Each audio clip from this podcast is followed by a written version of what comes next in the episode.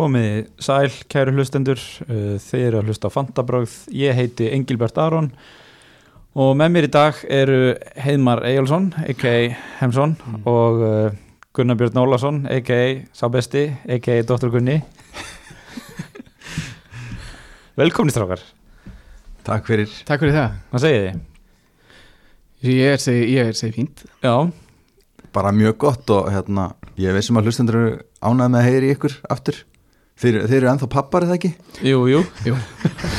ég hló pínu þegar það kom hérna fram í síðasta hætti að ég var ennþá pappi. Já, og mér finnst það freka gott. Já, En jú, við heimar byrjuðum á, á því áðan þegar við hittumst að Óskar, Óskar Kúraðurum til hammingi með föður hlutverkið og mm gangur skuggum að það væri nú alltaf ganga vel sem það gerir.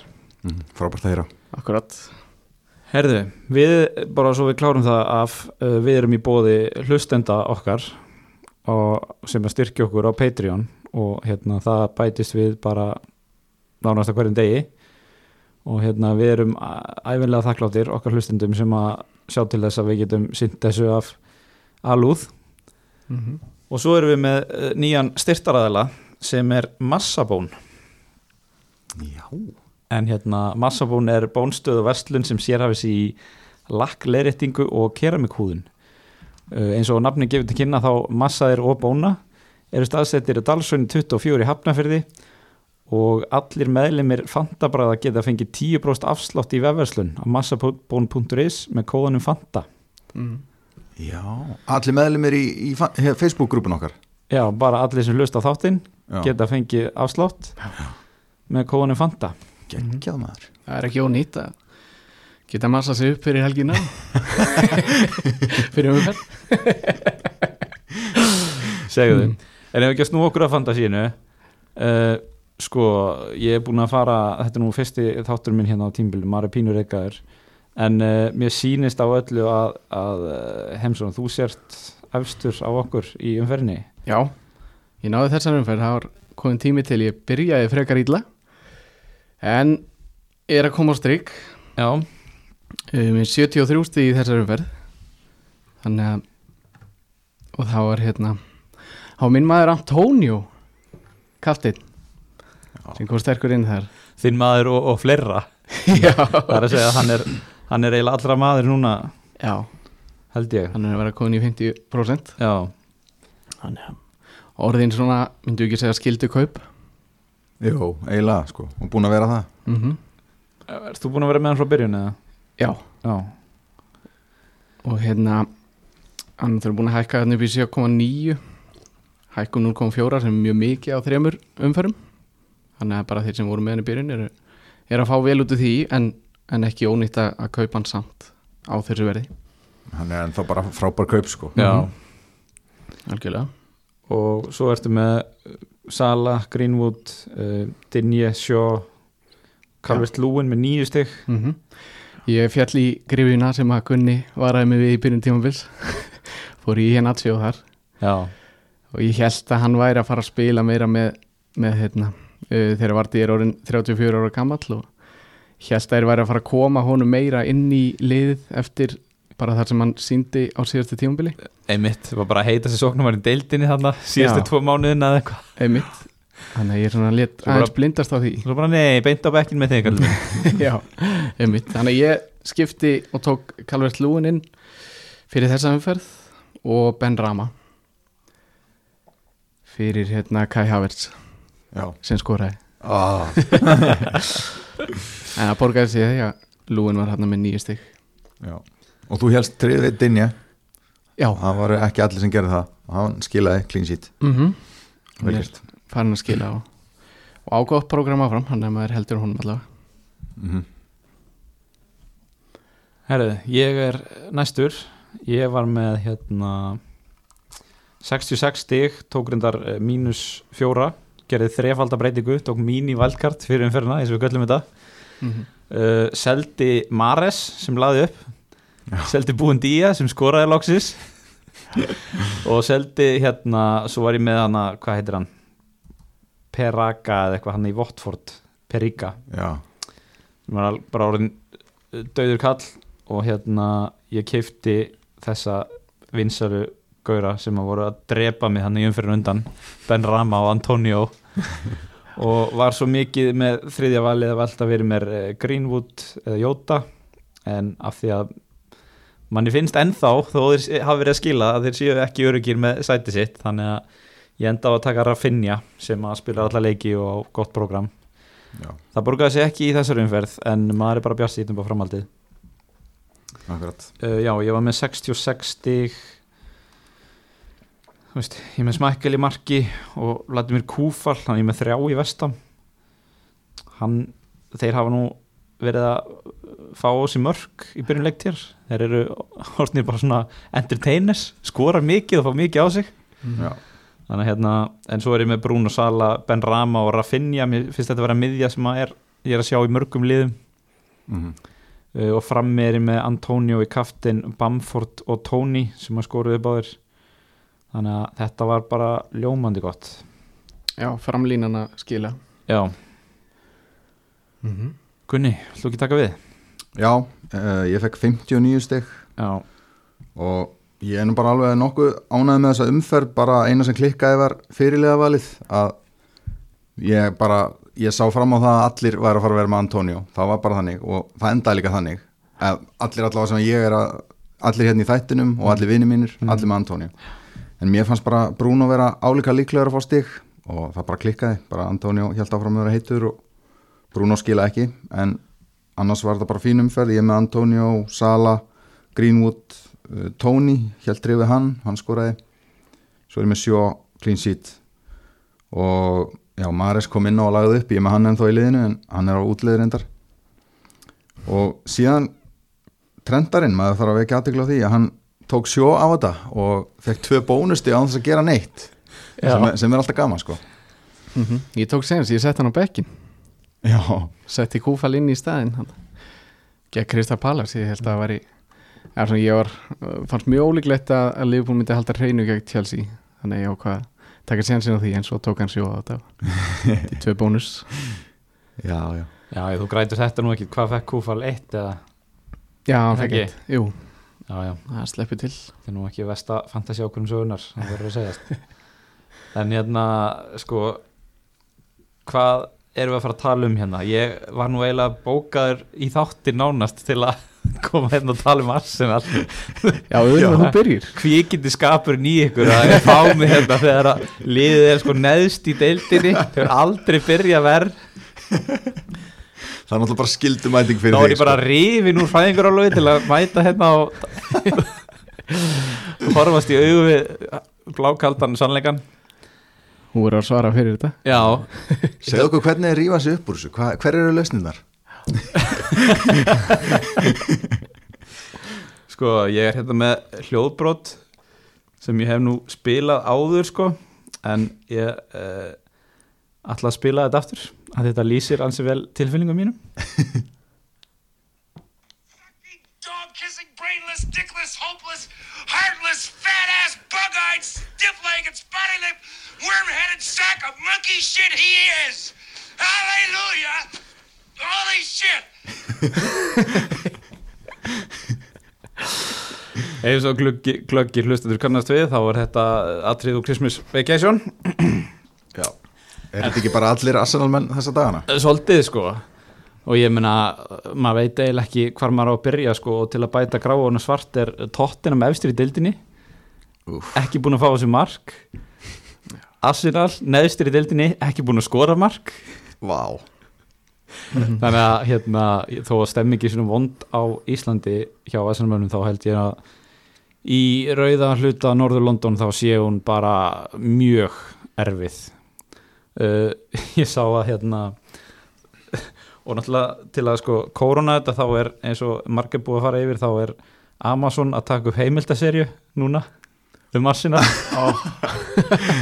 Vá, það verður gott að horfa á það uh, sem að hérna heitir náttúrulega All or Nothing Arsenal og fólk mikið búið að tala um að hún, það þurfu ekkit að hafa þetta all or, það er sér bara nothing, project nothing í gangi. Uh, það er búið að edita hérna á EMDB lýsingun þáttunum sem þetta In Amazon's third installment of All or Nothing we uncover the pathetic downfall of North London's second biggest club. No European football, no faith just vibes. En já, sko um, það eru engar afsakanir uh, bara þetta, þetta þessi tilraun með Arteta hefur bara mistekist alveg ríkalega og fyrst og fremst er það bara sóknarleikurinn sem er í mólum og liðið er held ég búið að eiga sko sjö skot man ekki hvort er sjö skot eða sjö skot að marka á tímbilinu þeir áttu náttúrulega eina tilraun gegn Master City sem fóru að gera svona ramman mm. og hérna voru held ég 20% með boltan í leiknum. Og þetta er bara ótrúlega vond og það er ekkert að fela sér bak við þetta rauða spjald eða eitt eða neitt sko. Og eitt sem er líka bara Arsenal eru sko mann finnst þeir alltaf vera versta liði deildinni í því að manage hópin hjá sér.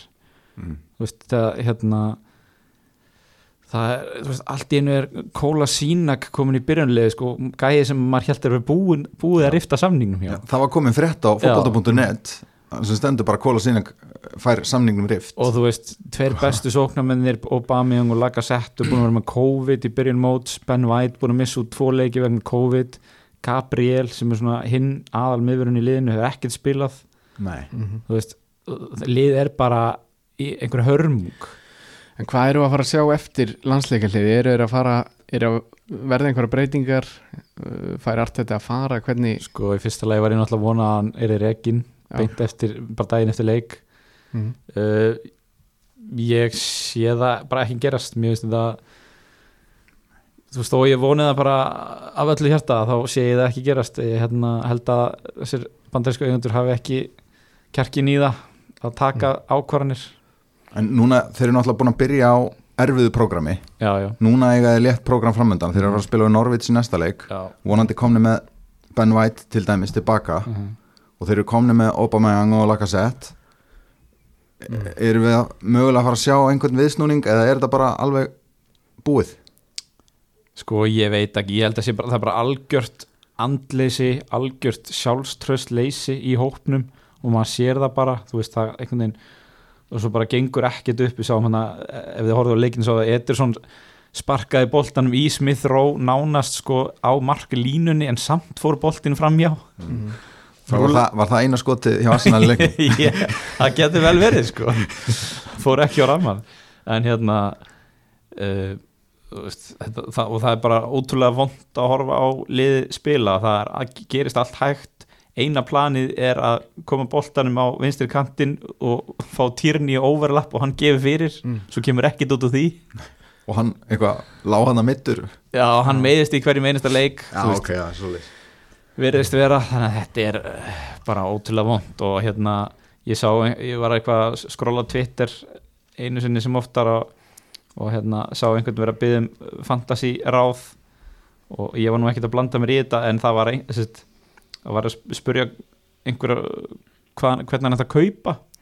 Og þá var einhver sem mælti með Arsenal-manni og hann sagði bara já sko, þú veist takk fyrir ráðin en ég myndi frekar vilja kveikja í mér og öllum eigum mínum en að kaupa Arsenal-mann í fantasy-liðið mitt.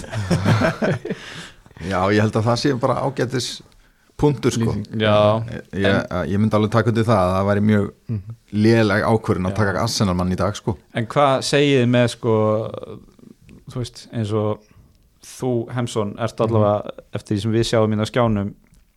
Þú ert með Ben White, er það ekki? Jú. og ertu með hann, þú ert ekki búin að selja hann? Ég er líka með hann sko. Nei, ég er Já. ekki búin að selja Ég ætla að hafa hann bara áfram Þi- hann aftast hann. Þið ætla að halda honum ekki? Jú, allavega ég.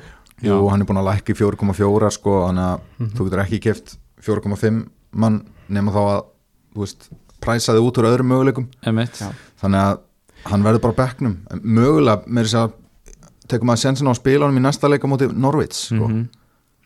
maður er ekkert með neitt öfluga aðra kosti á bekknum Mér finnst sko eins neikvæð og umræðan er núna í kringum Arsenal þá er þetta samt þeir byrjuðu þarna án sinna líkilmanna gegn Brentford svo er þetta Chelsea og Manchester City sem er ekkit í sama klassa, enga veginn þannig að við gætum alveg séð eitthvað annað gegn Norwich og Burnley því að þeir áttu þarna byggarleik í vikunni sem er unnur 6-0 og þar skoraði óbæð með ekkert rennu Já. Þú veist, það er spurning þegar þeir eru komnir gegn þessum svona léleri liðum í deildinni hvað við erum að fara að sjá þar og ég ætla alltaf að býða með Ben White þar til að þeir eru búnir með 2-3 svona uh, af þessum leikjum sem eru framöndan samanlega þessu Algjörlega og, og ég meina hérna vörninn er ekki vandamál hjá sinna sko. þeir geta alveg slýsast til að halda hreinu einu svona einu sinni sko. þeir voru með held ég næst bestu vörnina eftir áramóti fyrra eða eitthvað slíkt sko. en sko þe þeir eru með þessa varnalínu þá Já. er vörðni vandamál hjá Arsenal Já. þeir eru með Kola Sinat Já. og Holding Chambers og, Mari og, já, þessi gæjar en Gabriel búin að vera meittur hann er alveg öflugur já, hann er á leiðin tilbaka Mm. og saman með Ben White þú veist það, það gæti alveg eitthvað betra gest þegar þeir eru komnir með liðið sitt sko. algjörlega ég vona það allavega uh, já, mannstu sitt í vinnur þarna, þennan 5-0 sigur mjög auðveldan. Mhm. hvað segið þú veist er eitthvað sem við tökum úr þessu? Gabriel Jesus var öflugur, Marko Stóðsending já, mér finnst allavega hérna, hann er að fá núna 12 stig eftir 11 stig í umfyrir undan. Já, bara sorry, ég þetta er gott sem þú ert að nefna með hann Mm. en þetta er framherji á einhverja 9 eða 10 miljónir, ég manna ekki eins og nákvæmlega. 8-5 Já, 8-5 8-5, ok. Það er ekki pláss fyrir hann allavega í mínu liði það er svo mikið af kostum sem eru ódýrari og síðan eru við að sjá þess að þrjá kanonur Já. sem eru að koma fram Já. Lukaku, Kane og Cristiano Ronaldo Mhm. að það er ekki pláss fyrir hann í mínu liði þetta er ma- maður sem er að spila núna á kantinum alltaf ég meina, hver er spenntu fyrir því, segi ég bara Já, já, og hann er bara að fara í þessar útendingar hann er að spila það sem Maris hefur verið að spila og Já. þetta verður bara áfram eins og það er sko en maður sem er að spila frammi alla leikina hjá sitt í hinga til það er maður sem er skráður miðjumæður í Fantasy og heitir Ferran Torres Mhm. ég nefndi hann aðeins í síðasta þætti og mér finnst hann alveg mögulega ef þeir eru ekki að fara að kaupa sér framherja fyrir mm. lokluggans þá finnst mér hann vera orðið möguleiki þá var Já. þetta bara frábært sjátt hann er með 5,4% eignarhlutvall og maður er að heyra mikið við erum nú ekki ennþá búin að fá verðið á Ronaldo er það Nei. en hérna hann verður vantalega bilin 12-13 miljónir og maður er að heyra svolítið að múfi til að taka hann inn verði að breyta Bruno í Ferran Torres og breyta framherja í Ronaldo. Já. til dæmis þú veist, Bamford eða Danny Ings til dæmis. Já. Þannig hérna, þetta er eitt sem ég er að skoða sko. ég bara segi það strax. Já, já, það er alveg múf sem ég er að pæla í. Einmitt. Ég líka bara, þú veist, að byrja þrjá leiki í rauð hjá sitt í það er, það er stórt Já. er hann er búin að spila 90 myndur 60 og 90 sko. Já, ég held að það sé bara mjög fáir sem að, það er Grílis sem að er búin að byrja alla leikina. Díaz eða ekki? Og Díaz, já. Og Ederson. Já, já, já, ég held að þetta sé einu. Já Þannig að þetta er klárlega að skoða þennan leikmann. En Gunni, þú ert ennþá með Mares Já, ég er ennþá með Mares og Já. það er aðtryggsvært, hann er búin að byrja á bekknum síðustu tvo leiki, hann er búin að koma inn á og delivera í báðum þessum leikjum og hann er með þriðja besta expected goal involvement eftir allra leikmanna í þessar umferð þráttur að hafa spilað 29 mínútur. Já, Þú veist, ég veit, kannski, ég veit ekki hvort það segir meiri Mares eða liðið sem hann var að spila á móti ég held að segja er. Arsenal. Sko. En það áhugavert. En eins og ég sagði á hann að hann er á útlið hjá mér sko. þetta gengur ekki lengur, ég nenni ekki að vera með menn sem byrja alltaf á bekknum. Nei, einmitt. Þannig að hann er á leiðin út. Já, Já, Ok, Aston Villa Brentford það er Ivan Tóni skoraði loksins þannig að hérna, þau okkar sem voru ekki búin að selja hann fengu hann að mark. En hannældi sér í gullt spjald sem þýtti það að hann fekk einungis eitt bónustig og endaði með 6 stig. Er búin að lækka um 0,1 nýri 6,4 á tvo svona kannski bara pínu erfiða leiki áður en að tekur svo við bara enn erfiðara prógram. Mm hvað segir ég með hann?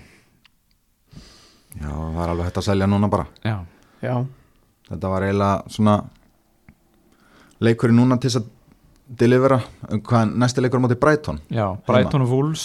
Það væri alveg hægt að gefa honum Brighton heima allavega sko. Já, já, ef maður er með eitthvað stærri vandamál í liðinu en ef maður hefur ekkert stærra vandamál í liðinu þá finnst mér alveg möguleik að selja núna. Hann á mjög slæmt prógram svo eftir, eftir þessa næstu Mhm. 1-2 leiki. Já, ég myndi mögulega gefa honum eitt leika og þarf það að safna í tvær skiptinga kannski.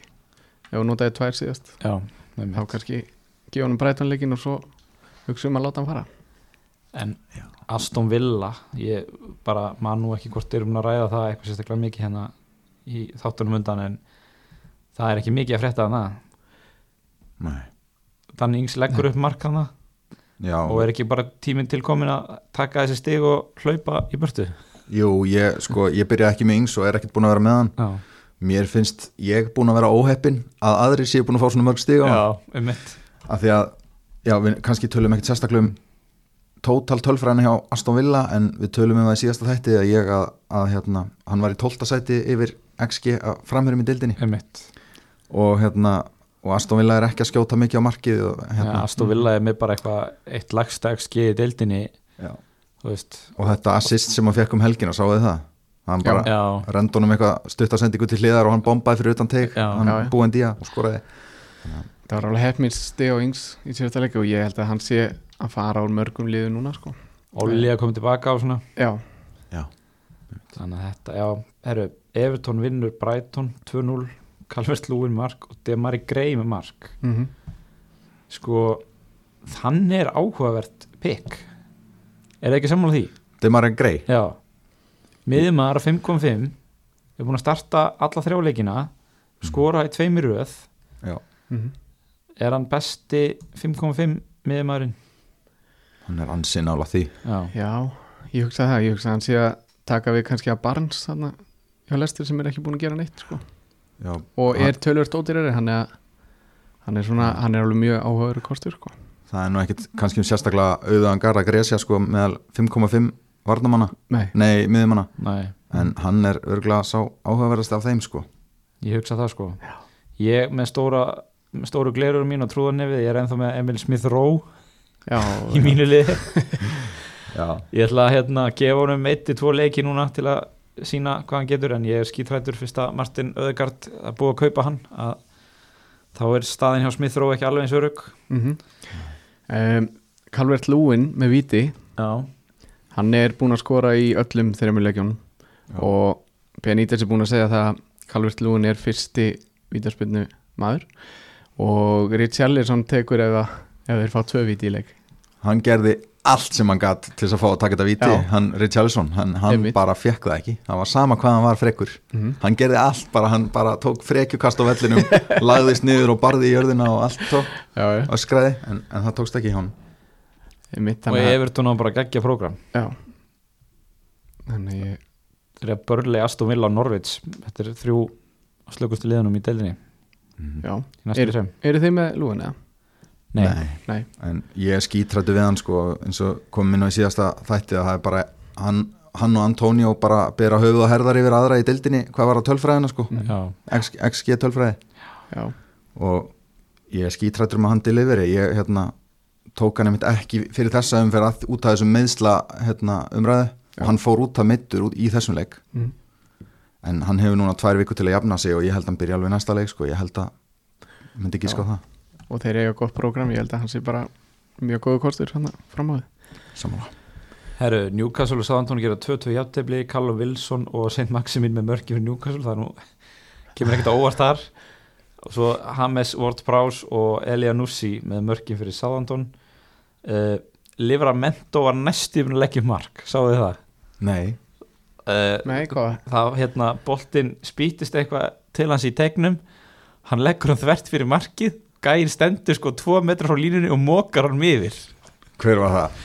Adam Armstrong kannski? Djenebo held ég Já, ok. Jú, já, jú, ég sagði Þetta var alveg ævintýralegt og klúður hérna ég var nú ekki alveg með kveikt á öllum þegar ég var að horfa á þetta en sko ég gæti ekki séð að það væri dæmt rángstæða neitt að því ég held að boltinn hafi farið að varnamenni sko innfyrir Já. Mhm. en hann var alveg gapandi frýr og ég Hann var svona meter frá markinu mestalagi og enginn fyrir og skópla honum yfir. Já. en hann er klárlega 4,0 varnamannapikkið í dag. Já, er það ekki, er ekki jú, samanlega því? hann er svolítið hérna leiðin út úr Simigas Já, Já, ég tók það múið mitt í síðustu umferð. Já, og bara svo ég segi það strax það sem þetta er ekki mjög spennandi að þá tók ég það múf núna eftir að síðastum fyrir byrjaði að hérna þegar að Simikas var að fara að lækka Nei, jú, Já. já, Er hann búin að lækka núna? Simikas? er það ekki? Uh, maður sjá Það geti verið að menn séu búin að missa þá að lestinni að, að græða 0,1 á honum Nei, hann er ennþá í 4.2 Nú, ok Já. Hann er ennþá í 4.2 En það skipti nú ekki öllu Ég hérna, hann náttúrulega Robbo byrjaði síðasta leik þannig að mm. þetta er auðvitað komið. En hérna, eitt, punkt, eitt punktur með Sáhantón líka Þessi miðjumæður Elio Nussi. Mm. Þetta er hérna leikmaður sem var held ég hjá Hull líka einhverju mun eftir honum. Já, var hann ekki á Celtic líka? Jú, Já, hann var hérna hann var með 1,6 í XG í þessum leik. Hæstur í umferðinni. Og hann skoraði þrennu í byggaleiknum nokkrum dögum áður. Já, hann kostar 5,5 eða ekki rétt? Jú. Og hann ásamt Demarai Greið þá eru áhugaverði kostir á þessu verði. Já, þeir eiga Vestham og Manchester City í tveim næstu leikjum þannig að við kannski býðum og sjáum Já, með Já. það, mm svo Wolves og Chelsea þar á eftir. Já ég held að þetta þeir- er svona, býð og sjá í svolítinn tíma. Já, svolítið. Já, og svo kemur hann að nokkri græni leikir í röð. Um, en það er ekkert mikið meira að segja úr þessum leik. Norvits Lester, Jamie Vardy eh, skorar og leggur upp. Mhm. Pereira átti hann assist á 12 mínútu og fer svo meittur út af strax eftir það, er það ekki? klassískur. Tíma Pukki skorar víti. Já partíið byrjað. Um að gera þetta hvað lestina Já, en hvernig er prógrami hjá Norvits núna? Er eitthvað púki partí að fara í gang? það er náttúrulega búið að vera hræðilegt það sem að ver, þeir eiga Arsenal í næsta leik en, en Þeir- já, þannig að bara mögulega er þetta tími til að kaupa tími búki, Mhm. að því síðan eftir það eiga þeir Watford, Everton, Burnley, Brighton og svo nokkra Já. græn leiki tímann, Það er henni allt grænt fram að 14. umferð nema Chelsea já, já, þetta kannski einhverju á Já, já, já, en hann kostar 5,9 búin að lækka, já. Mm. ég veit En- það ekki. En hann er ekki, hann er all, hún er alltaf skipt út þarna á 70 og, já, hann fær 70, Hann fær 70. og 2 til 76 mínútur já, já. Hann spurning akkur það er, sko. Já, það er svolítið skrítið. Við man ekki eftir að hann hafi verið eitthvað mikið skipt út af hann að hitti fyrir að þeir voru í deildinni. Nei, ekki það reyndar að þeir töpuðu náttúrulega 3-0 fyrir Liverpool í fyrsta leiknum og svo 5-0 fyrir City hann að mögulega vera kvílan bara, já, bara búnir þessi leikir. Já, já í fyrstu tveimur, sko, já, en hann er samt alveg þetta er alveg kostur. Það myndi alveg skoða hann á þessu verði.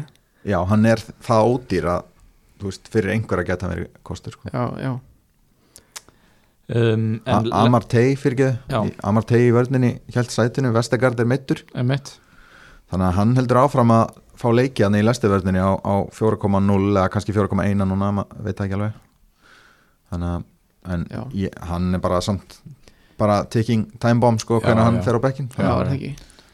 Ég er með smækkel í marki. Er þú ekki líka með smækkel eða? Jú. Já, ég veit ekki alveg hvar ég stand eftir þessa leiki.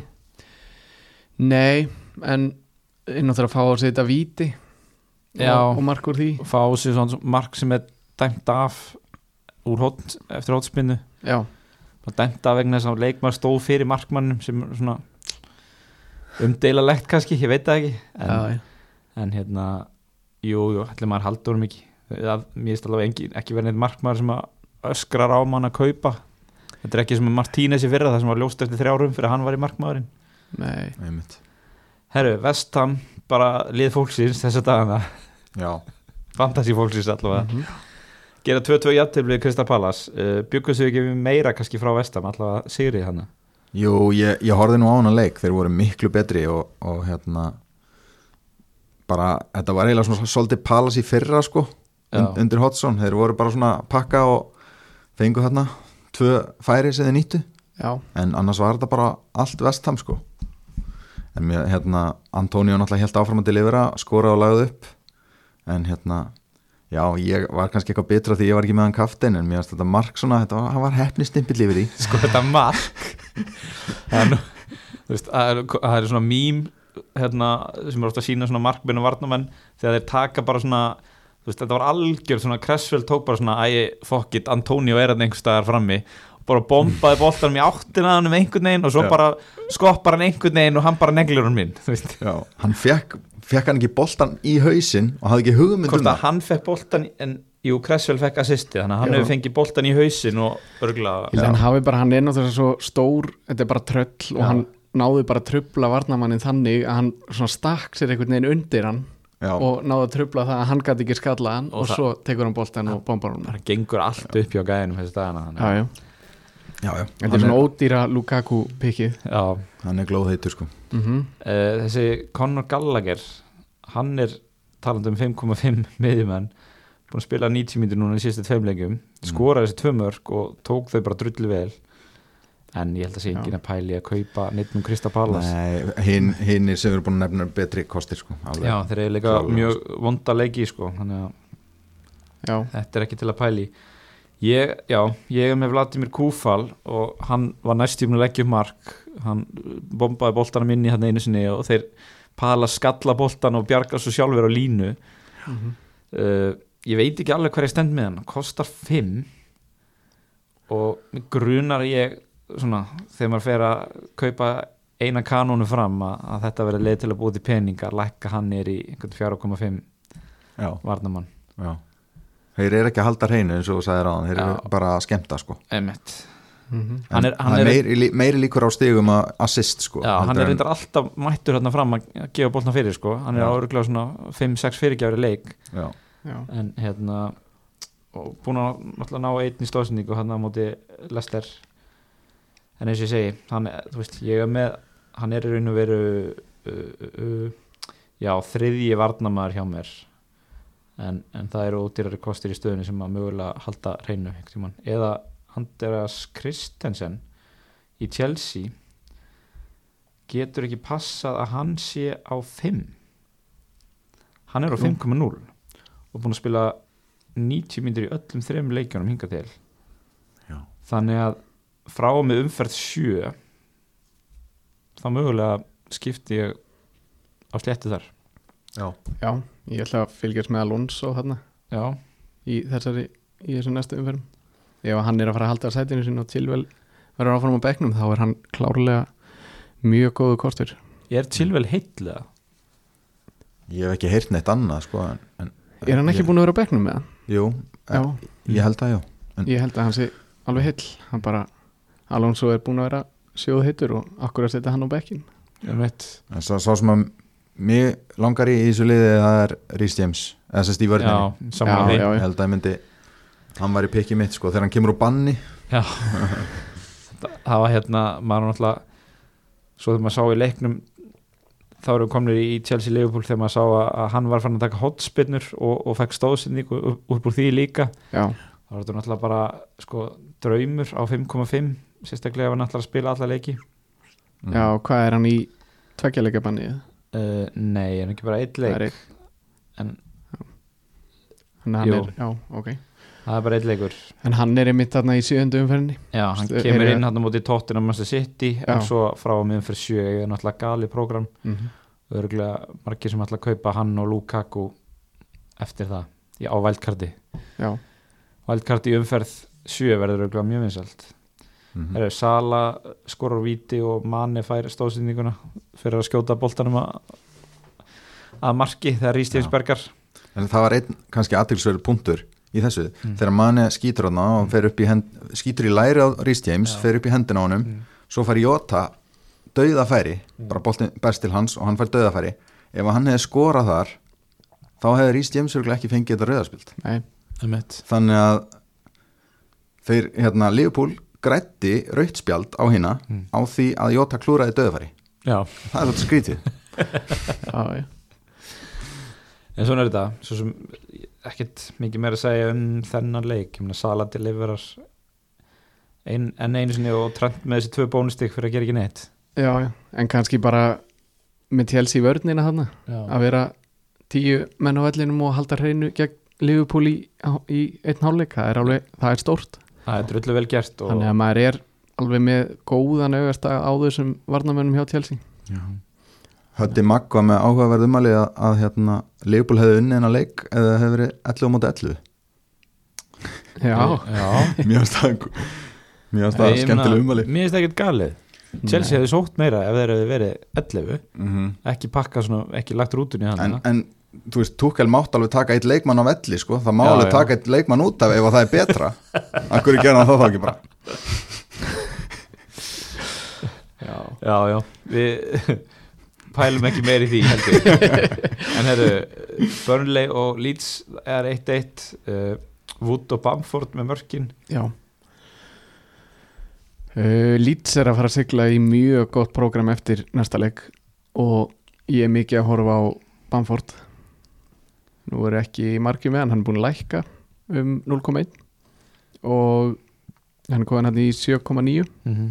Hann er náttúrulega á vítum og, og bara við vitum all hvað hann getur síðan í fyrra Mhm. þannig að ég er að skoða að, að skipta yngs út fyrir Bamford bara núna strax eða? já, af því að sko yngs á þeirra Chelsea og ég hef meiri trú á Bamford gegn Liverpool sá maður Liverpool fór byrjunarleikurinn á síðasta tímumbili það var einmitt Leeds Liverpool 4-3 Mhm. ég held að geti alveg orðið mörkið þessum leikin ég er ekki við sem aðstof vilja að segja að fara að skora mikið á Chelsea þannig ég er að skoða að skipta þeim bara út núna ef að landsleikin hlið fyrir þannig. Já, ég er, held að þetta geti gengið vel hefða sko. ég minnist vel á þetta hefða sko. og þeir eru líka á heimavelli gegn Liverpool og, og hérna Sántón er á útivelli gegn Chelsea þannig að það líka spilar aðeins inn í. Mm Þetta ljóma vel. Ég er náttúrulega með Bamford og Rafinha búin að vera með Bamford frá, frá byrjun og búin að vera pínu svona svekkja með á því hvað allir er að fá stig fyrir Danny Ings þegar Já, Bamford greið hefur ekki, einhvern, nein, ekki gert mikið. Mhm. en hann skoraði þarna. Sko bæði mörkin í þessu leik voru svona með ljótari mörkum sögunar mjög keimlík, einhver svona darradans í tegnum og þeir pótunum inn hann nánast á línunni. Hann er svo að hafa farið óvart í hann og, og inn. Hann var, svona, hann var hissa á þessu. Rafinha klúraði dauðafæri. Já, það var ekki gaman að horfa á það því að ég var nýbúin að kaupa hann. Mm. en hérna, en maður er bjarsýnt bara að vera með þá tvo. Lýts, gaman að horfa á lýts spila þeir spila svona explosive fótbolta Já, og það getur allt gerst. Mm uh, ég horfði á hann leik og ég hef sjálf að sé leikmann fá meðferði eins og Patrick Bamford fekk í þessum leik. Það var bara, hann var bara rifið niður olbói í haus og bara tæklaður, ég held að það voru tveir sem fengur guldspjald fyrir brota á honum. Það átti bara gjörsamlega að sparka hann út úr leiknum. Það var alveg greinilega upplegið já, Já. ok. Börnlega menn, þeir eru fasti fyrir.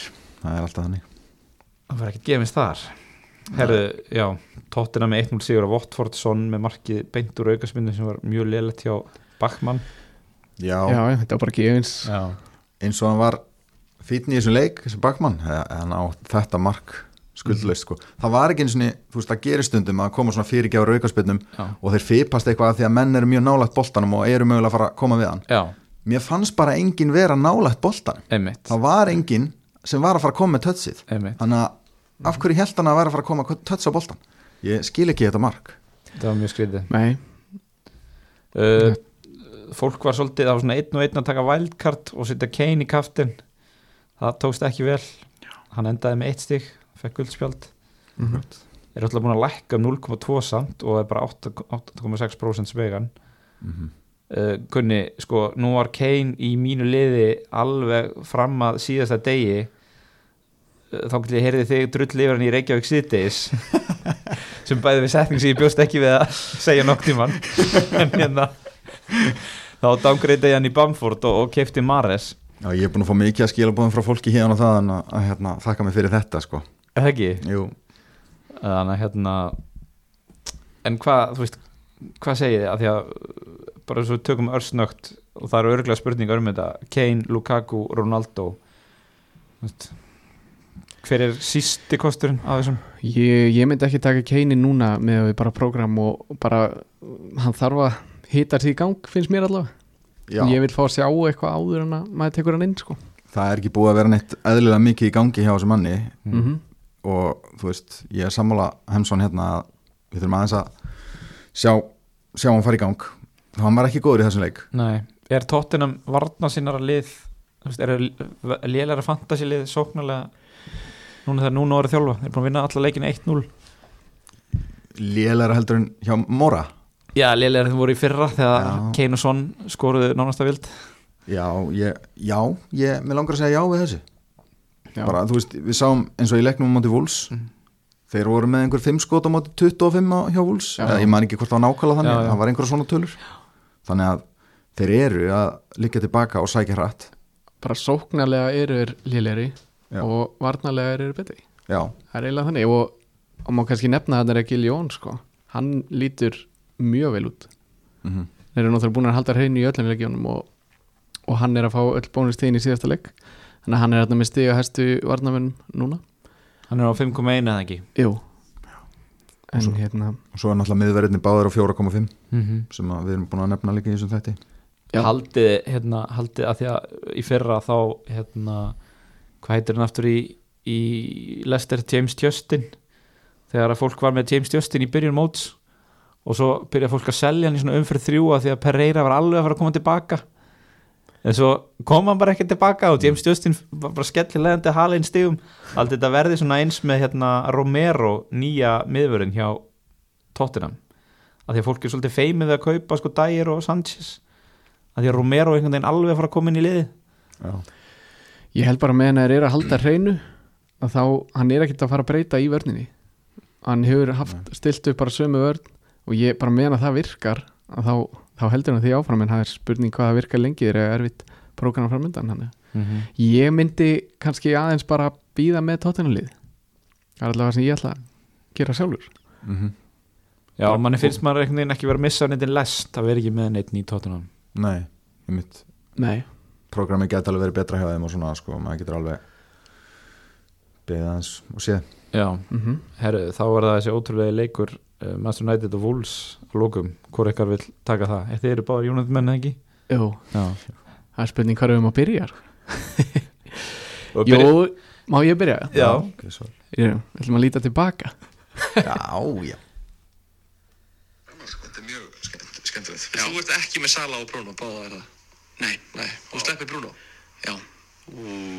Já. Ok. Já, já. Ég ætlaði að taka sensin á að Greenwood átskoran. Já. Nú vil ég Aron, það er spurning hvort þú getur lesað upp fyrir mig stígin hjá Greenwood og svo stígin hjá Bruno að það saman Það sem af er tímabili Já, Greenwood er 8, 10 og 8 og, og hérna Bruno Píti er hann 88 með stig? Nei, ég er að segja úr, leik, í leikjunum þreim er hann múið að fá 8 stig 10 stig og 8 stig. Já, Þannig að já. hann er með 26 í heildina. Mm -hmm. uh, Bruno Fernandes uh, hann er búin að fá 20 stig 1 stig og 2 stig. Takk, og er með 23 stig. Takk fyrir. Ég, þetta var örugglega eina skiptið á tímabilinu sem ég get spilað þetta vídeo. Þessa hljóðklippu aftur. Um, Þetta var það sem ég læði upp með í byrjun og eftir fyrstu umferðina þá Mér langaði að grenja. Já, ég trúi því. Mér langaði, ég var með nýfætt bann Vildu bara grænja með því? Já, já, það var spurning hver grenja ég meira þar. En, en það var svona þú veist, manni kýtlaði í ég er, ég, ég er alltaf öruglega að nefna þetta með hérna, að vera uh, þólumóður og sett inn hérna status eftir fyrstu umferðina því að ég skeit í þeirri umferð eins og öruglega flestir sem voru ekki með Bruno. Og mann langaði alveg að fara í, í mínustíðin til að taka hann inn sko. En hérna stóð á mér og ég hugsaði mér þá að ég þyrti maður þyrti að fá tvö blöng frá honum til að bara vinna þetta upp. Og það, það kom og Greenwood búin að vera ekkit eðlilega heitur. Já. þannig að þetta, yfir á þig Gunni. Já, mér finnst það bara hérna, geggja að sjá meistara síðasta tímubils ná svona kompaki sko, það er alveg geggja sko en hérna, mér finnst Bruno bara mér líst alltaf aðeins verra og verra á hann sko. Hann, hann er búin að missa hotnin mm og núna missar hann örgulega vítin líka þegar Ronaldo kominn. Og hann hefur bara ekki verið sérstaklega góður í síðustu tveim leikjum sko hann hefur eiginlega ekkert sest í þessum tveim leikjum. Nei, bara, bara ég, nefn, nema þennan að rífa í dóman og fá gull Já, það já, er einn það er punktur. ein, ein, og svo er hann líka gul spjaldasuga sko. Við fýlum bónusugur hérna eins og þetta. En ekki gul spjaldasugur sko. Það er fátt sem að fer meira í töðunar á mér en gullt spjald fyrir sko kjaft. Já, hvað Á- þá á í uppbóta tíma þegar menn eru bara henda bónustíðunum frá sér? Já, en ef við sk- skoðum XG í þessum leik Wolves var með 2,25 og Manchester United með 0,58 já, við það áttum, var eiginlega ránum hábjartan dag. Já, já, við vorum United voru miklu lélir í þessum leik. Já, mm við áttum ekki skilið að fá þrjústík það er bara, þú voru alveg að segja það hérna, sko. Já. já. og það er alveg sko, það, ég vil að við lítum aðeins bara á Wolves núna. Af því að þetta var sama sagan gegn Tottenham. Mhm. þeir voru með svona álíka tölfræði gegn þeim. Ég, þó að þeir séu búin að byrja svona og ekki búin að skora mark maður þarf að fylgjast vel með þeim. Já, og Roman Sæs, ég held að hann fekk hann ekki alveg tvö dauðafæri á náttúrulega sem DG varði hann í tvígang. Já, já. það var það var rosalegt maður. Já, svakalig varsla og bjargaði í launinni bara leiknum hann, DG já, uh, svo fekk hann annar svona döðafæri í þeim leik. Já, hann fekk ágætis færi og reyndi einhver svona klippu sem að fór rétt fram hjá stönginni. Já, Já. það var reynda rámstæði aðdraðandan á já, því sko. ok. Já, já, ok En Sko, hérna, já, já. ætlar að lesa prógramið Ég er með prógramið hjá komum hérna. það er Watford, Brentford Southampton, Newcastle Aston Villa Þetta eru næst, næstu fimm Þetta eru styrlaði leikir og liðið bara hefur verið að spila mjög vel er að fá gott XG er að standa sig varnarlega líka Mhm. Mér finnst alveg vera kostir í þessu liði svona differential kostir eins og Adam Tráari, hann er með mjög góða tölfræði þó að hann, hann er nú reynda þekktu fyrir að ná ekki að klára færin það er ákveðin séns að taka hann en ég held samt Já. að það gæti alveg fara að detta hjá honum með að við magniða færum sem hann er að fá. Mhm, og hann er líka búið til fullt af færum. Mhm. svo er Raúl Jiménez líka að fá fullt af færum. Hann hefur, reyndar, þú veist, hann hefur ekki komið, komist í ganga eftir meðslin það, eru líka, það er líka áhætta fólkin í því að taka hann. Já. en mér finnst bara þeir eru báðir með undirleikandi tölfræðina með sér og þeir getur báðir verið að fara að delivera með þetta prógram. Algjörlega og þú veist, Wolves eftir þess að þrjá leiki ég meina að hérna þeir eru búin að spila já Leicester, Tottenham og Manchester United sko. Þetta er ekki smá lið. Þeir eru samt búin að eiga sko 57 skot 36 inn í teig fá fjögur big chances og eru með samanrætt XG upp á 5,06 já, en ekki búin að skora mark. Mm -hmm. þannig að þetta fer að detta hjá þeim. Þeir eru, eru bara drulli góður í þessum leik. Já og líka bara uh, skoða eins vörnina hjá þeim því að þeir eru kjöptu við Leicester, Tottenham og Manchester United töpuðu öllum leikjunum 1-0 uh, að fá eitt mark á sig gegn þessum liðum það er ekki, það er ekki mikið. Nei. og áttu skilin á það miklu meira úr þessu þannig að ég er alvarlega að skoða þessa varnamenn og þá sérstaklega Roman Sæts hann er náttúrulega bara í mörg ár búin að vera mjög góður fram á við bæði tölfræðilega og hefur líka verið að delivera á það sko. þannig að hann er bara alltaf geggjað kostur, hvað kostar hann núna? reyndar 5,0 já, Mér finnst hann bara fínt verð fyrir en hann sko. það er bara fínt, það er kannski bara sangjart já eins og Conor Cody hérna á, á 4 og 5 hann er það, er Já. svona- það er alveg kostir þarna. Já. Rafael Varan byrjar leggur upp mark innan gæsalappa og hérna það er bónusinn 12 stig, mm -hmm. kostar 5,5 ef að byrja að ræða eins poppa teklinguna það er búið að mikið rifist inn á hérna Þurfum við þess? það er bara spurning. Já, hvað, hérna, hvað mönnum finnst um það? Við, þegar maður sá endursýningarnar í leiknum ég fannst ekki vera snerting og af því að Neves er tekur hérna einhverja 5 sekundur sem hann bara lappar áfram lítur svo á dómaran og öskrar bara fyrir öskrandi í hörðina þú veist. þetta er svo, maður bara svona oh, þú veist, please. Já, hann, hann sá að þetta gæti mögulega orðið mark Hann tók það ákvörðuna bara, já ég held að færi bara niður hérna. Mm en þú veist, það er snertingarna ég, ég held Já. að það er ekki hægt að neita því. En sko ég, ég hefði kannski ekkit orðið það maður hefði tekið á kassan ef að dómarinn hefði bara flautað strax. Já, og þetta hefði verið aukarspilna, ok, allt í lagi. En mér, finnst, mér hefði ekki finnist rétt að taka markið af, þú veist, við viljum ekki sjá mörk sem að eru svona vafasum tekin af, það verður að vera alveg klárlega. Munið eftir markinu var ekki síðast tímbili Tottenham og Manchester United þegar að Manchester United skoraði og svo var það dæmt af lungu eftir og því Son fekk hönd í andlit og lág eftir. Já, ég var því. Eftir þessu. Mhm. mér fannst það mjög svona tæft já, ég er að dæma það af. Já.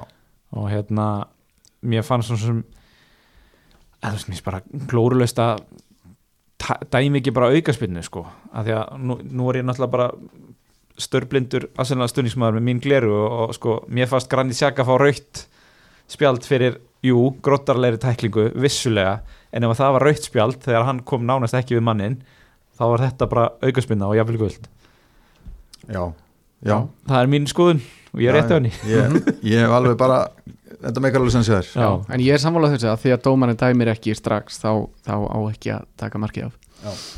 þannig að það er niðurstaðan hjá okkur Eða þú ekki farið spurningar? Eitt en með United en verður við ekki, já, að, að hérna Pogba hefur verið að koma sterkur inn Já. Mhm. og búin að líta mjög vel út í fyrstu tveimleikunum hann er færður niður í svona eiginlega meira varnarhlutverk í þessum leik Mhm. er hann með Fred að það niðri sem að kom bæði vei ekki vel út. United voru ekki að spila vel á Nei. miðunni í þessum leik en ef hann er að fara að spila þessa stöðu þá, þá er hann ekki fantasy option finnst mér Nei samfélagað því ég er hrættur um að verði að því að þarna nýtist styrkur poppa held ég miklu betur af því að þeir eru að fá Ronaldo. Þeir eru með Jadon Sancho og eru með alla sem eru voru með í sóknina á síðustu, síðustu tímubili ég held að Poppa sé alltaf að fara að vera þarna á miðinni með McTominay af því að kosteinir eru allt og margir fram á við. Þannig að hann er ekkit að fara að spila held ég þessa stöðu sem hann spilaði í, í fyrstu tveimurum fyrir hann hann var þarna vinstra megin frammi. Nei.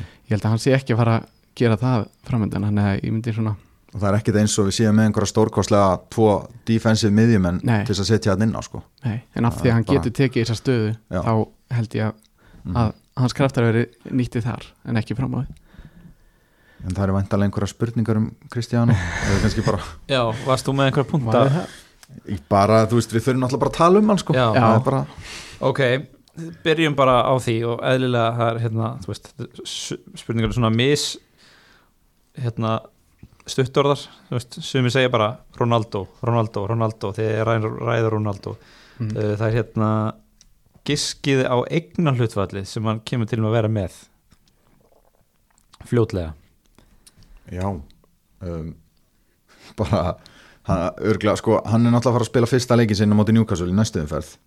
Ég get alveg séð hann sko komin í ég veit ekki 5-10% strax fyrir fyrsta leik, jafnvel meira sko. Já, ég held að hann fer fljótlega í svona 20% já, en e- eru þú veist, haldið bara að allir sé að fara vældkarta til að ná honum inn? Ef þú vældkartar ekki, þá ertu að taka 2-3 hitt eða eitthvað til að ná honum inn. Já, ég held að Eða þú sért pínu að vannmeta hérna Master United stuðningsmanna áhrifin sko. Já. já, og ég held að bara fljótlega verðan komin í, ef að segja svona umferð 7-8 verðan komin í svona 55% eignarhaldvall já, ég sagði fyrsta leik. Já, já, en, já, já, ég get alveg kvittað undir það að vera Já. komin í eitthvað ennþá styrlara fljótlega sko. já, Þannig að það er spurning hverjir ætla að eru einhverjir þarna sem er að hugsa um að taka bara beina skiptingu á Bruno og, og yfir í hann þá uh, þurfa að taka tvær í rauninni og taka þá kannski hitt eða eiga tvær inni þannig að þarf ekki endilega vælkarta til að ná honum inn. Nei. menn sem eru með Bruno, það er auðveld leið myndi ég já, segja. já. En uh, er búið að staðfest eða sérst haldið þið að sé alveg pottið að hann taki vítin fram með Bruno? Það er ekkert búið að staðfesta það en ég meina, ég held það bara. Og, að, og flestir halda það.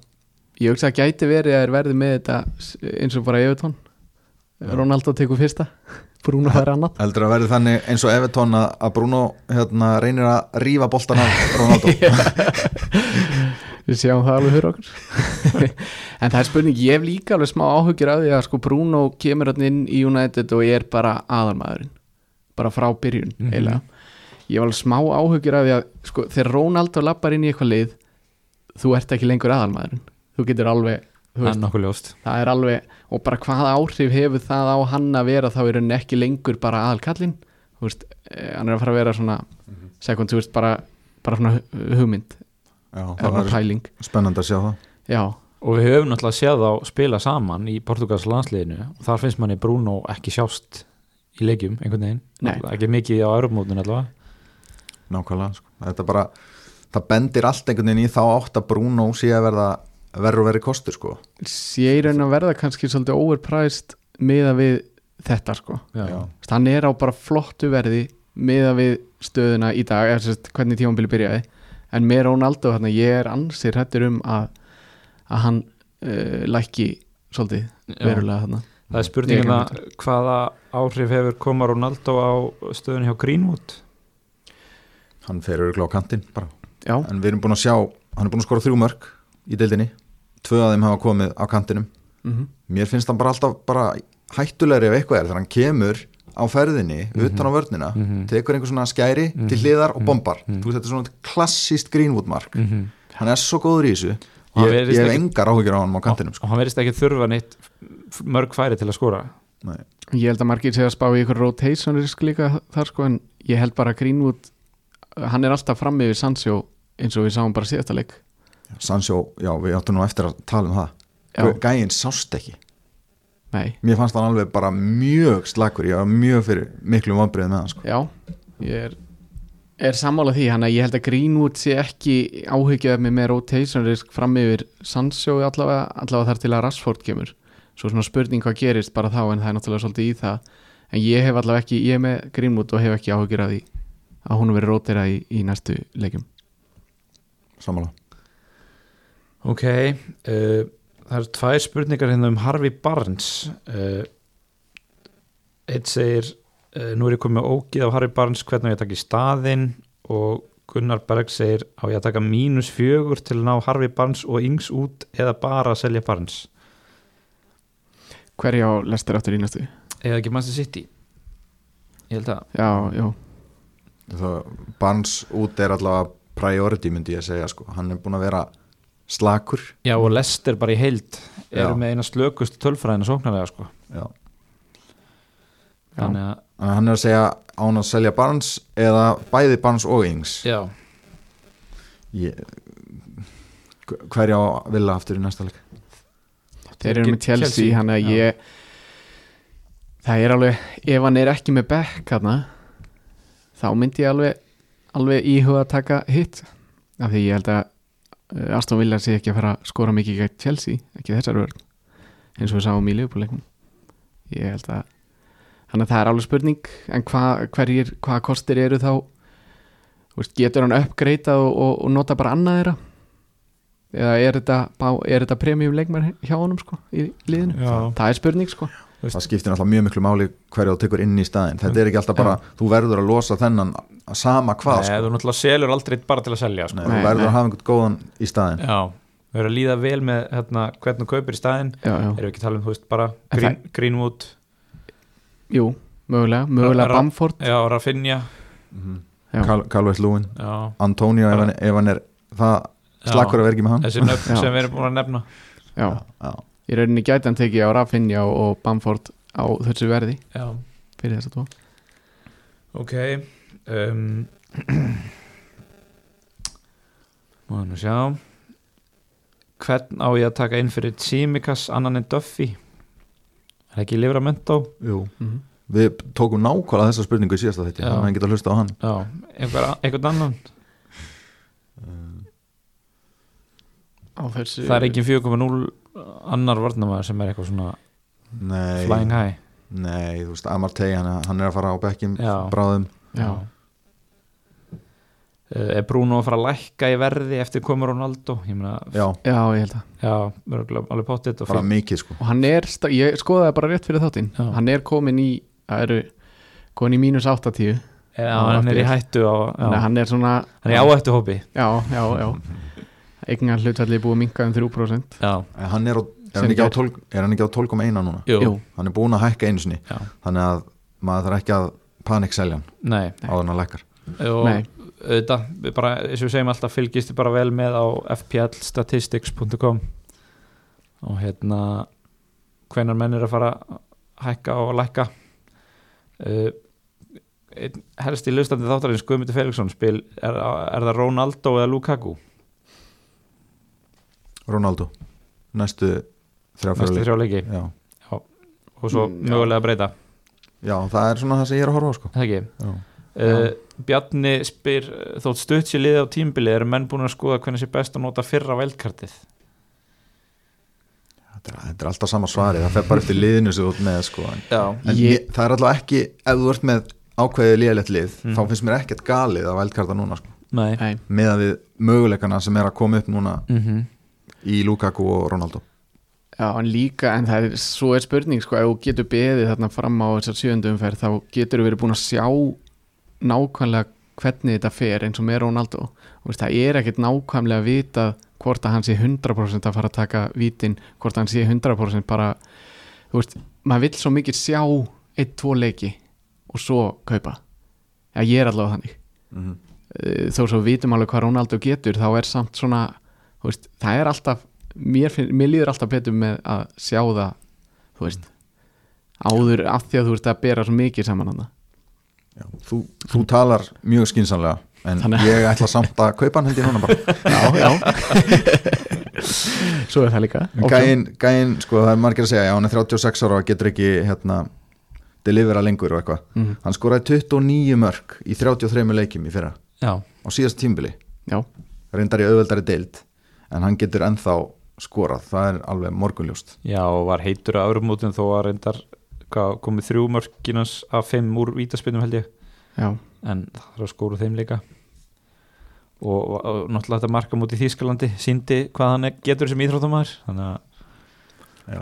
hérna, Ég, hef, ég hef ekki ágjur á honum sko. Ég held hann deliver alltaf. Nei, raun og verið ekki en mm. eins og við vorum að tala um áðan uh, tímasetning á fyrra valdkartinu maður er að horfa til þessar umferðar sjö eins og þú nefndir Emsson að hérna þar sem að þá hittir það eiginlega þannig akkurat á að prógram Manchester United sveiflast mikið til þess verra og prógram Chelsea verður allt grænt já, þannig að það er mjög auðvelt að breyta þá Bruno í Lukaku eða hvað það er þú veist, það sem að þarf svolítið að endurhugsa liðitt mm. Þannig að það er kannski ef að fólk er ekki að pæli um veldkarti núna þá er það kannski eitthvað til að horfa til varandi fyrra veldkarti já. hvernig eru þið, er, þú veist, eru þið heitir fyrir veldkarti núna? Annarkvort núna eða eftir fjórðum fyrir eða? Ekki núna. Nei, já, bara ef að fólk getur beðið á sér ef það er, ef þú ert ekki með það slæmt eða í það slæmi málum eða þá að landsleikjarliði kemur það illa út fyrir því þá sérst að fá tvo-þrjá menn inn meita eða eitthvað svo leiðis veist, ef þú getur beðið með það og líður ágætlega með liðið þá myndi ég alltaf ráðleggja að býða með það. Já, sammála því, maður þarf að vera bara í fucked up málum bara með liðið sitt til þess að valkarta Já, ég myndi segja svona, þú veist, til að fara í, í, í það þá ég hefði þurft allavega að vera sko eiga tvær slæmar umferðir af þessum fyrstu þrem. Eiga tvær einhverja svona það sem ég er kannski tíu stigum undir average til að ég væri að pæli því núna að vældkarta sko. Og ég átti fína fyrstu umferð það fór hann yfir 100 stigin eins og margir uh, tók svo slæma aðra umferð og svo náði ég mér aftur að strik núna í þriðumferðinni þannig að ég er, er alls ekki að pæli vældkarti strax og líka bara þú veist, maður fer í pick team og mann líður bara vel með liðið sitt. Já, það hérna, þá náttúrulega pælir fara alls ekki. Já. Ég átti slæma fyrstu umferð eða, eða fyrstu tvær og það voru tvö stór vandamáli liðinu og ég er búin að losa þau núna þannig að ég bara horfi ekkert á vælkarti fyrir fyrsta lagi þarna í, í sjöundu og mögulega ekki þá. Ef maður getur beðið með það þá, þá gerir maður það Herru, ok, eigum við að skoða næstu umferð? Þannig að er þetta landsleikja hlið þannig að alltaf, þetta er pínu leiðilegt. Alltaf þegar mann fyrst þetta var að komast að stað þá er pása. Já, en hérna uh, það er ég er náttúrulega sem mikill áhuga maður um leikadagskrá. Það er fagna því að þetta sé komið í gamla horfið. Það sem er fullt að leikjum klukkan 2 á lögðum Mhm. ekki einn leikur í einu.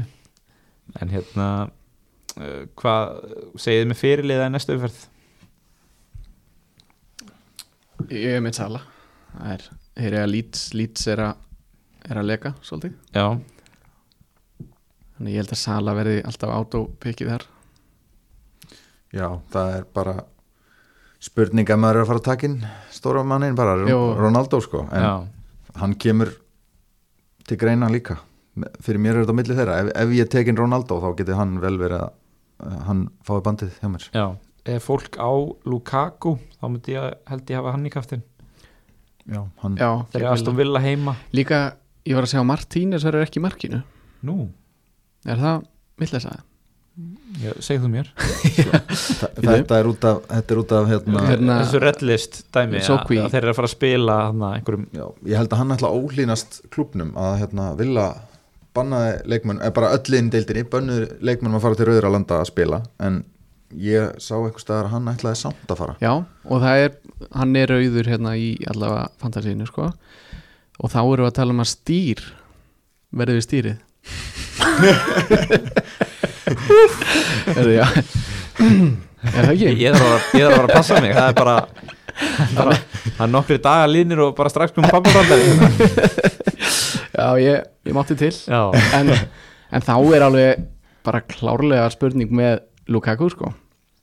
Ef maður væri með hann þá þá er hann mjög freistandi. Já. Ég held að ég uh, verði með Bruno. Ég er búinn að gera eina breytingu kaupa hann að Livramento fyrir Simikas og ég á ekki aðra fría inni. Þannig að ég þú veist, ég þyrfti alltaf að gera tvöfaldabreitingu til að kaupa Ronaldo. Ég held ég sé ekki að fara að gera það. Mhm. uh, Newcastle er með skelvilega varnar tölfræði og búið að fá á sig fullt af mörgum Mm. þannig ég held að, að það verði leiðin að vera með Master United mann. Ég, þú veist, ég þess vegna hafa Greenwood Þú ert ekki trættu við Þetta Ronaldo Bruno? Dæmi ég menna mögulega hefur það líka bara ágætis áhrif á þú veist, mögulega er liðið bara að fara að skoða fleiri mörg og, og Bruno eitthvað að tikka stigum. Já, og kannski erum við líka bara að fara að horfa á það að Bruno verður hálgerur aðgreinir. Þegar Ronaldo mætir að hann hérna falli neyri í einhver 20-25% eignarhlutfall eða minna. Mm. ég ætla allavega ekki að selja hann fyrir næstu umferð held ég, en það er náttúrulega langur tími þangað til tva, Já, tvær vikur. Mm. Já, og þetta svo, er staðan eins og hún er í dag. Svo er Antonio náttúrulega alltaf kostur já, já. Þetta er kannski milli þessara. Ég held allavega að það verður dreift fyrirlega val Já, Já, samanlega því fyrir mér er þetta Sala vs. Ronaldo eins og ég sagði það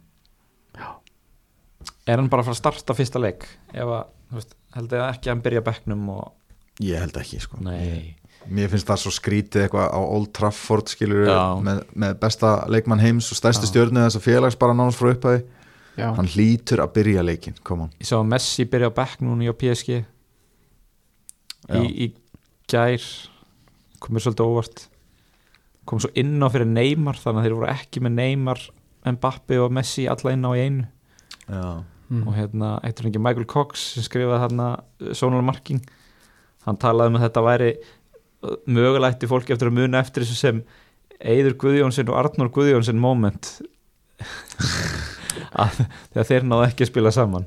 Að, að hérna kæmi inn á fyrir hvern annan en, en hérna að fólk myndi muna eftir þessu. Ef að Mbappi skiptir um lið og fer til Real núna já. að þá muni þeir aldrei ná þrýra að spila saman. Já, já, já. En nú erum við kominir út fyrir efni Er eitthvað sem þið viljið bæta við í lokin? Við ætlum að vera með auka þátt fyrir Patreon meðlimi. Herri, já, Ekki satt? Jú, jú, rétt að taka það fram. Já. fara eins yfir hérna hvernig menn kom út úr landsleikjaliðinu og, og undirbúa næstu umferð. Já, í næstu viku. Já Fymtudag, föstudag í, í næstu viku. Og til þess að fá aðgang að þeim þætti þá þarf að gerast áskrifandi eh, hjá, Já, já. hjá Patreon. Og það er patreon.com skástrík fantabröð Já, Já. það er nokkri pakkar í bóði En þetta er ódýrasti bræðarefin í bænum. Já, Þessu bara Já. búið að fara yfir. Já, Þrjá stærðir í bóði Og pluss alvöru pakkar. Og hérna Endilega kíkja á það En ódýrasta áskriftin á 450 kalla mánuði. Já, og þá, þá fær maður þáttina ekki? Það dugur að Jú, vera jú. það, já. Já, já, þetta er gefins svo ferðu og, og lætum massa bílinn og á Þetta mass, komið inn á 450 kall. Já Finnið massabón á Facebook Já. Og hérna massabón.is Tjekkið á þessu. En annars, þá bara heyrist við næsta hætti, það ekki? Jú, takk